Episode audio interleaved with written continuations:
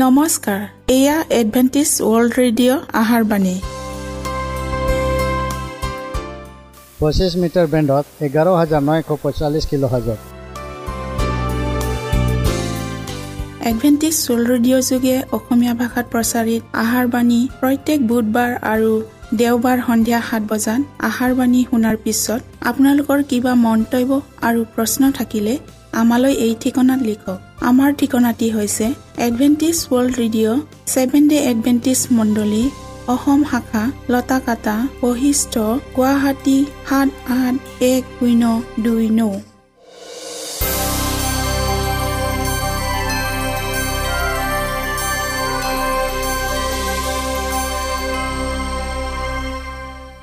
প্ৰিয় শ্ৰোতা বন্ধুসকল এতিয়া শুনো আহক এটি খ্ৰীষ্টীয় ধৰ্মীয় গীত।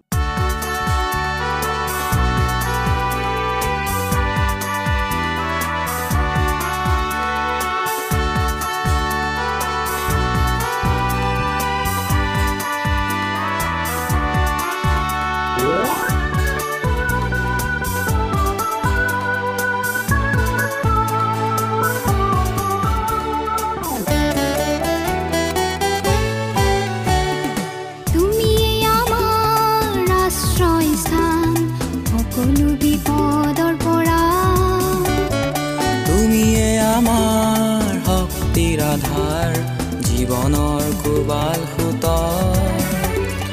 ৰক্ষা কৰোতা তুমি। একমাত্ৰ ঈশ্বৰ আমাৰ। ৰক্ষা কৰোতা তুমি।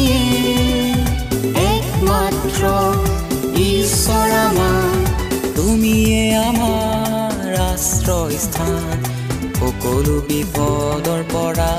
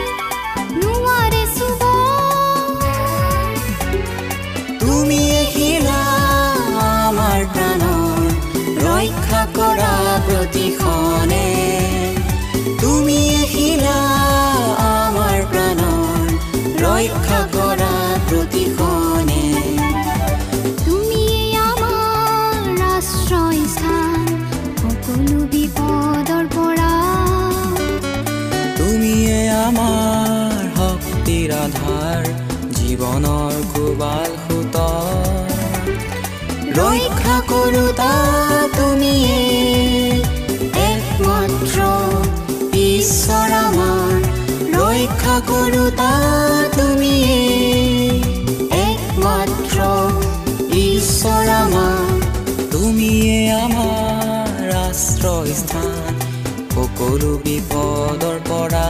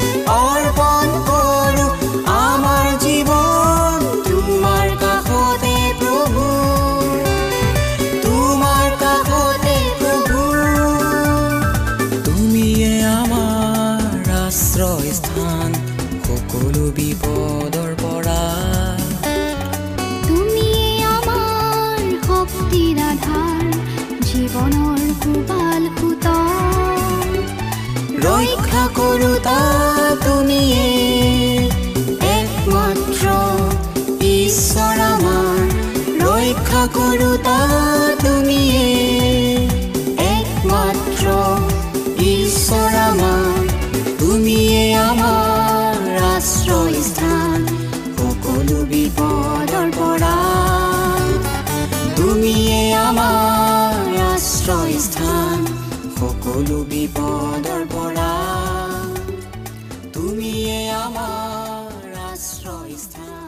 প্ৰিয় শ্ৰোতা বন্ধুসকল আহক আমি খন্তেক সময় বাইবেল অধ্যয়ন কৰোঁ হওক।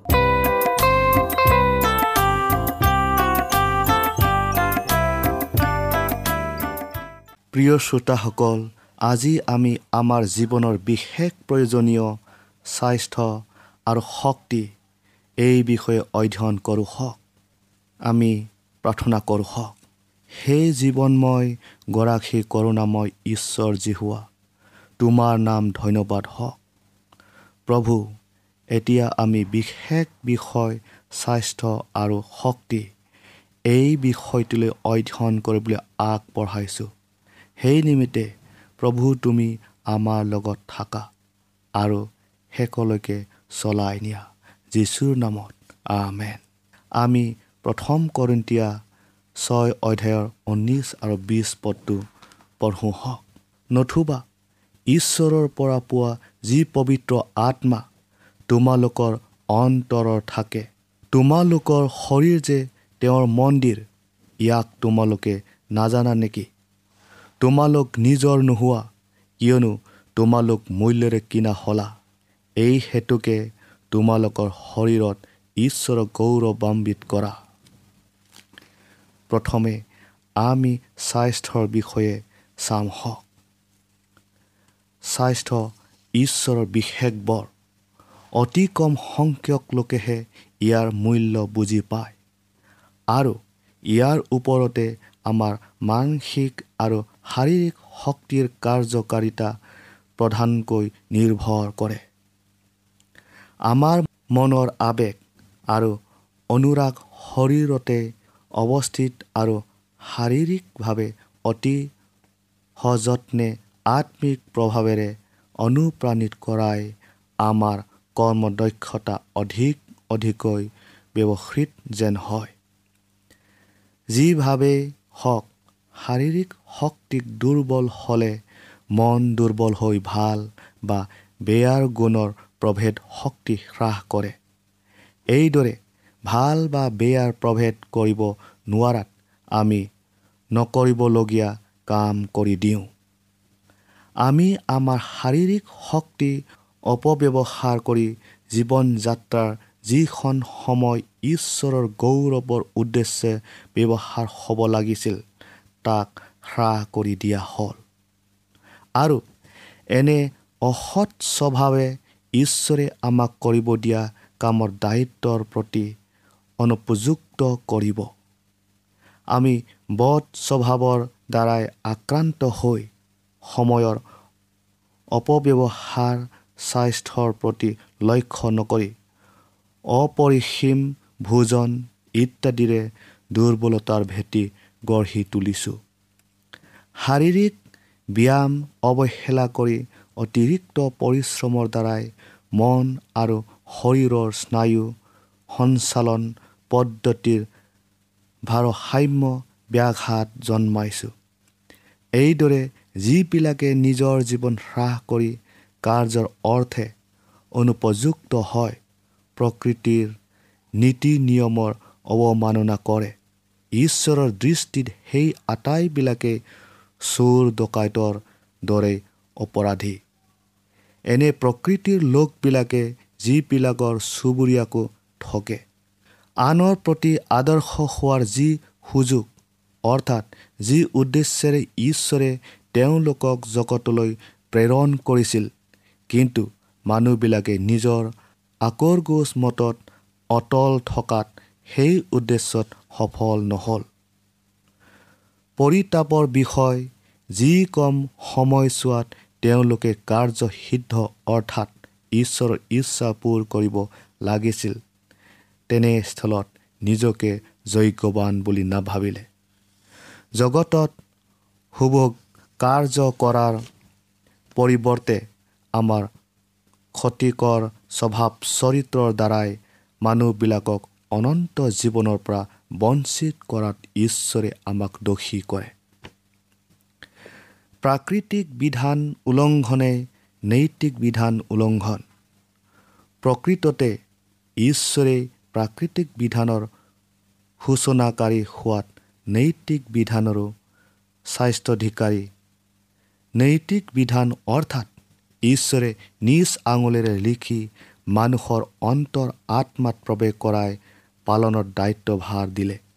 আৰু আমাৰ শৰীৰৰ প্ৰত্যেকটো অংগ প্ৰত্যংগৰ অপব্যৱহাৰৰ যোগেদি বিধানখন উলংঘন কৰা হয়। আমাৰ শৰীৰৰ সচেতনতাৰ বিষয়ে সকলোৰে সম্যক জ্ঞান থকা আৱশ্যক কাৰণ প্ৰয়োজনবোধে ঈশ্বৰৰ কাৰ্যৰ অৰ্থে নিজকে উৎসৰ্গ কৰিবলৈ যুগুত হৈ থকা উচিত। আমাৰ নশ্বৰ দেহাক সযত্নে সংৰক্ষিত কৰি ঐশ্বৰিক গুণেৰে প্ৰভাৱান্বিত কৰাই পূৰ্ণতাৰে প্ৰকাশ কৰোঁ হওক। মানৱ শৰীৰৰ অংগ প্ৰত্যংগ আত্মিক জীৱনৰ সৈতে জড়িত আছে আৰু ই শিক্ষাৰ এটা প্ৰধান বিষয়। ঘৰতে হওক বা বিদ্যালয়তে হওক এই বিষয়ত বিশেষ মনোযোগ দিবই লাগে। শাৰীৰিক গঠন আৰু প্ৰাকৃতিক জগতক নিয়ন্ত্ৰণ কৰা বিধিৰ বিষয়ে সকলোৱে জ্ঞাত হোৱা উচিত। যিবিলাকে ইচ্ছাকৃতভাৱে শাৰীৰিক অস্তিত্ব অৱজ্ঞা কৰে তেওঁলোকে ঈশ্বৰৰ বিৰুদ্ধে অপৰাধী সাব্যস্ত হয়।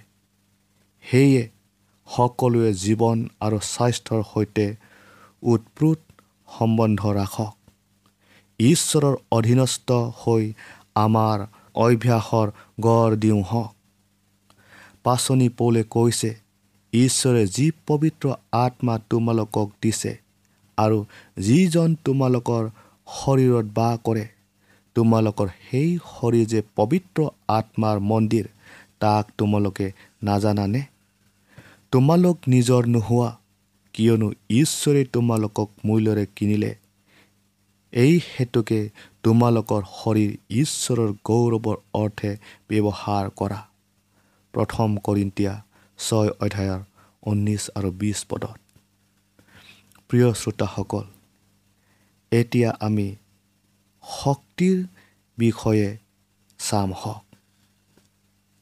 কেৱল হৃদয় প্ৰাণ আৰু চিত্তেৰে নহয় কিন্তু সকলো শক্তিৰে আমি ঈশ্বৰক প্ৰেম কৰিব লাগে। এইটোৱে শাৰীৰিক শক্তি প্ৰয়োগত আমাৰ জ্ঞান সত্তাৰ সৌস্তৱ পূৰ্ণ কৰে। আত্মিক বিষয়ৰ দৰে জাগতিক বিষয়টো খ্ৰীষ্ট এজন বিশ্বাসী কৰ্মী আছিল। আৰু এই সকলো কৰ্মৰ যোগেদি তেওঁ পিতৃ ঈশ্বৰৰ ইচ্ছা দৃঢ় সংকল্পৰে প্ৰকাশ কৰিছিল। স্বৰ্গ আৰু মৰ্তাৰ বিষয়বোৰ আনে উপলব্ধি কৰাতকৈ খ্ৰীষ্টৰ তত্বাৱধানত অধিক পোনপটীয়া ঘনিষ্ঠ সম্বন্ধ আছে। প্ৰথম জাগতিক আবাহ তম্বু অৰ্থাৎ ধৰ্মধাম সজোৱাৰ আঁচনি খ্ৰীষ্টৰ তত্বাৱধানে হৈছিল। চলোমনৰ মন্দিৰ সজাওঁতে তেওঁ নানা দিহা পৰামৰ্শ আগবঢ়াইছিল। যিজনাই জগতত থকা কালত নাচৰত নামৰ গাঁৱত বাৰহৈ কাম কৰিছিল সেইজনাই স্বৰ্গীয় স্তপ্তি তেওঁৱেই য'ত তেওঁৰ নামৰ গৌৰৱৰ অৰ্থে পবিত্ৰ সেৱা গৃহ সজোৱাৰ আঁচনি তৈয়াৰ কৰিছিল। এইজনা কৃষ্টই মন্দিৰ নিৰ্মাণৰ কাৰণে সুদক্ষ আৰু জ্ঞানত উত্তম কাৰিকৰ বাছনি কৰি কৈছিল চোৱা মই যীহুদা পৈদৰ সুৰৰ নাতিয়েক বচলেলৰ নাম কাঢ়িলোঁ আৰু কৌশলৰ কাৰ্য কল্পনা কৰিবলৈ সোণ ৰূপ আৰু পিতলৰ কাম কৰিবলৈ সকলো প্ৰকাৰৰ শিল্প কাম কৰিবলৈ মই তেওঁক জ্ঞান বুদ্ধি বিদ্যা আৰু সকলো প্ৰকাৰ শিল্প কৌশলদায়ক ঈশ্বৰীয় আত্মাৰে পৰিপূৰ্ণ কৰিলোঁ। আৰু চোৱা মই দান পেইডৰ অহিচামৰ পুত্ৰ অহলিয়াবক তেওঁৰ সহকাৰী কৰি দিলোঁ। আৰু সকলো জ্ঞানী লোকৰ হৃদয়ত জ্ঞান দিলোঁ। তাতে মই তোমাক যি যি আজ্ঞা কৰিলোঁ সেই সকলোকে তেওঁলোকে নিৰ্মাণ কৰিব। যাত্ৰা পুস্তক একত্ৰিছ অধ্যায়ৰ দুইৰ পৰা ছয় পদলৈ আপোনালোকে চাওক। প্ৰিয় শ্ৰোতাসকল ঈশ্বৰৰ হৈ বিভিন্ন কাৰ্যত ব্যস্ত থকা কৰ্মীবিলাকে তেওঁলোকৰ যি যি আছে সেই সম্পত্তি ঈশ্বৰে দিওঁতা বুলি স্বীকাৰ কৰক। সকলো উত্তম উদ্ভাৱিত আৰু উন্নত বস্তুৰ উচ্চ তেওঁৱে যিজনা নিগুৰ বিষয়ৰ মন্ত্ৰণাদাতা কাৰ্যত উদ্যোগী। চিকিৎসকৰ হাতত মৃদু স্পৰ্শ তেওঁৰ ৰোগ নিৰ্ণয়কাৰী ক্ষমতা শৰীৰৰ প্ৰত্যেক অংগ প্ৰত্যংগৰ সুস্থকাৰী জ্ঞান স্বৰ্গীয় পিতৃৰ পৰাহে হয়। এতেকে এইবোৰ যন্ত্ৰণাভোগীবিলাকৰ দুখ মোচনৰ অৰ্থে ব্যৱহাৰ হওক। যি কৌশলেৰে বাঢ়ি সাঁতুৰি সঞ্চালন কৰে কমাৰে যেনেকৈ লোহা পিতে এই শক্তি ঈশ্বৰৰ পৰাহে পোৱা। তেওঁ মানুহক কৰ্ম দক্ষতা দিছে যদিও কামৰ পৰামৰ্শ তেওঁৰ পৰাহে পোৱা যায়। আমি যি কামেই কৰোঁ আৰু কাম কৰিবলৈ যি ঠাই থাকিলেও শৃংখলাৰে কাম সম্পন্ন কৰিবলৈ তেওঁ আমাৰ মনক নিয়ন্ত্ৰণ কৰাটো বাঞ্ছা কৰে। ধৰ্ম আৰু বাণিজ্য মুদ্ৰা এটাৰ ইপিটি আৰু সিপিটি। আমি যি কওঁ আৰু কৰোঁ সেইবোৰ আমাৰ বিশ্বাসৰ লগত ওতপ্ৰোতভাৱে জড়িত। ঈশ্বৰীয় আৰু মানৱীয় শক্তিৰ একতাৰে পাৰ্থিৱ আৰু আত্মিক কাৰ্য সাধন হয়। ইয়াৰ কাৰণ যাত্ৰিক আৰু কৃষি কাৰ্যত বেহা বেপাৰ আৰু জ্ঞান বিজ্ঞান বিষয় ইত্যাদিত মানুহে হাতত লোৱা উদ্যমতাৰে একত্ৰিত হ'বই লাগিব। খ্ৰীষ্টিয়ান কাৰ্য বিষয়ত অন্তৰ্ভুক্ত হোৱা সকলো উদ্যোগত সহযোগ কৰা উচিত। কি মৌলিক চৰ্তৰ ভিত্তিত সহযোগ সম্ভৱ ঈশ্বৰে আমাক কৈছে? তেওঁৰে সৈতে সহভাগিতাৰে কাৰ্য কৰা কৰ্মীবিলাকৰ ঈশ্বৰৰ গৌৰৱ হওক। এই মূল মন্ত্ৰ হোৱা উচিত। আমাৰ আটাই কৰ্ম ঈশ্বৰৰ প্ৰেম ভিত্তিক আৰু তেওঁৰ ইচ্ছা অনুসাৰে যেন সিদ্ধ হয়। আমি ঈশ্বৰৰ সেৱা আৰাধনা কৰা সময়টো তেওঁৰ ইচ্ছাৰ দৰে হওক কাৰণ এই উপাসনাৰ দ্বাৰাই আত্মিক গৃহ নিৰ্মাণ কৰিছোঁ।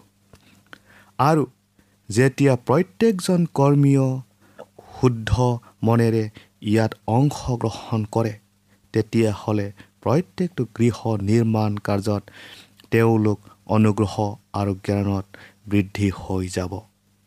শ্ৰোতাসকল কিন্তু ঈশ্বৰে আমাৰ মহৎ কৰ্মদক্ষতা বা পাৰদৰ্শিতাৰে কৰা কোনো সৎ কৰ্মকেই তেওঁৰ আগত গ্ৰহণীয় নহ'ব। যেতিয়ালৈকে স্বাৰ্থপৰতা সম্পূৰ্ণৰূপে বেদীৰ ওপৰত বিসৰ্জন দি নিজকে জীৱিত আৰু গ্ৰহণীয় বুলি স্বৰূপে উৎসৰ্গা নকৰোঁ। আমাৰ হৃদয় সূচী হ'বই লাগে নহ'লে ইয়াৰ পৰা উৎপন্ন হোৱা কোনো ফল ঈশ্বৰৰ আগত গ্ৰাহ্য নহ'ব।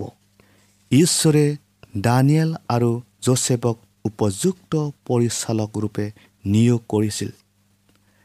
তেওঁলোক দুয়ো নিজৰ স্বাৰ্থ নিবিচাৰি ঈশ্বৰক সন্তুষ্ট কৰাৰ বাবে তেওঁ দুয়োজনৰ যোগেদি নিজ কাৰ্য সমাধা কৰিছিল। শ্ৰোতাসকল দানিয়েলৰ জীৱনে আমাক প্ৰেৰণাদায়ক শিক্ষা দিয়ে। ব্যৱসায়ী মানুহ সাধাৰণতে কঠোৰ আৰু নিৰ্দয় প্ৰকৃতিৰ হ'ব নালাগে বুলি শিকায়। যিহেতু তেওঁ প্ৰতি খোজতে ঈশ্বৰৰ পৰা সুপৰামৰ্শ পাই থাকে। দানিয়েল তেওঁ বাবিলৰ প্ৰধানমন্ত্ৰীৰ পদত অধিষ্ঠিত হৈ থাকোঁতে ঈশ্বৰৰ ভাৱবাদীও আছিল আৰু স্বৰ্গীয় অনুপ্ৰেৰণাৰে প্ৰভাৱান্বিত হৈছিল। জাগতিক উচ্চাভিলাষী মনোবাঞ্ছা ঈশ্বৰৰ নীতি নিয়মৰ অন্তৰ্ভুক্ত কৰিলে ঘাঁহ আৰু ফুলৰ দৰে মৰহি যায়। তৎসত্বেও ঈশ্বৰে তেওঁৰ বিভিন্ন কাৰ্যৰ অৰ্থে সুদক্ষ আৰু জ্ঞানী লোকক মনোনীত কৰে। এতিয়া এনে ব্যৱসায়ী লোকৰ প্ৰয়োজন যিবিলাকে ব্যৱসায়ৰ সৈতে সত্যৰ মৌলিক নীতিক জড়িত কৰি তেওঁলোকৰ সকলো কাৰ্য সম্পাদন কৰে আৰু তেতিয়াহে তেওঁলোকৰ আচাৰ ব্যৱহাৰ আৰু আচৰণ দ্বাৰাই কৰ্ম উপযুক্ততাৰ সিদ্ধতা নিৰ্ধাৰিত হ'ব। যদি বিভিন্ন শ্ৰেণীৰ কামৰ কোনো কোনো মানুহে নিজৰ কৰ্ম নিপুণতাৰ কেৱলৰ বৃদ্ধি কৰি দক্ষ হোৱাৰ সুযোগ বিচাৰে তেন্তে তেওঁলোকে সেই সামৰ্থ্য এইখন ধৰাতে ঈশ্বৰৰ ৰাজ্য প্ৰতিষ্ঠা কৰাৰ কাৰণে ব্যৱহাৰ কৰক।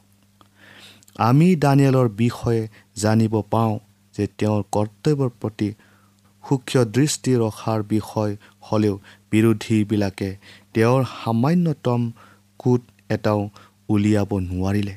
প্ৰত্যেকজন ব্যৱসায়ী ব্যক্তিৰ কাৰণে আদৰ্শ পুৰুষ আছিল। তেওঁৰ জীৱন বৃত্তান্তই দেখুৱাই আমাৰ মন প্ৰাণ শৰীৰ আৰু শক্তি ঈশ্বৰৰ উদ্দেশ্যত ব্যৱহাৰ কৰিলে সফলতা লাভ কৰিম। প্ৰিয় শ্ৰোতাসকল আজি আমি ইয়াতে সামৰিলোঁ। আশা কৰোঁ আপোনালোকে পৰৱৰ্তী অনুষ্ঠান শুনিবলৈ নেপাঢ়িব বুলি ঈশ্বৰে আপোনালোকক আশীৰ্বাদ কৰক।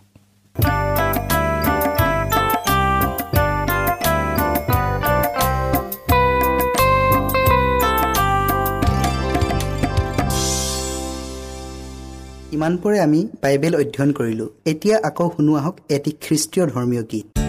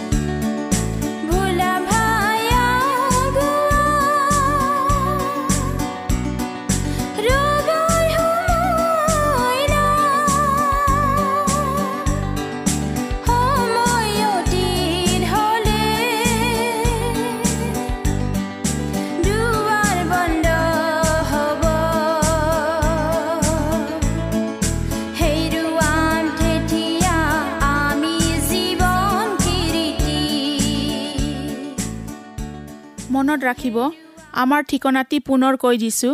Adventist World Radio' Assam region of Seven Day Adventist voice of hope Lotakata Basistha Guwahati seven eight one zero' two nine প্ৰিয় শ্ৰোতা বন্ধুসকল এডভেণ্টিজ ৱৰ্ল্ড ৰেডিঅ' যোগে আহাৰবাণী প্ৰচাৰত আপোনালোকক পুনৰ লগ পোৱাৰ আহাৰে আজিলৈ সামৰিলোঁ।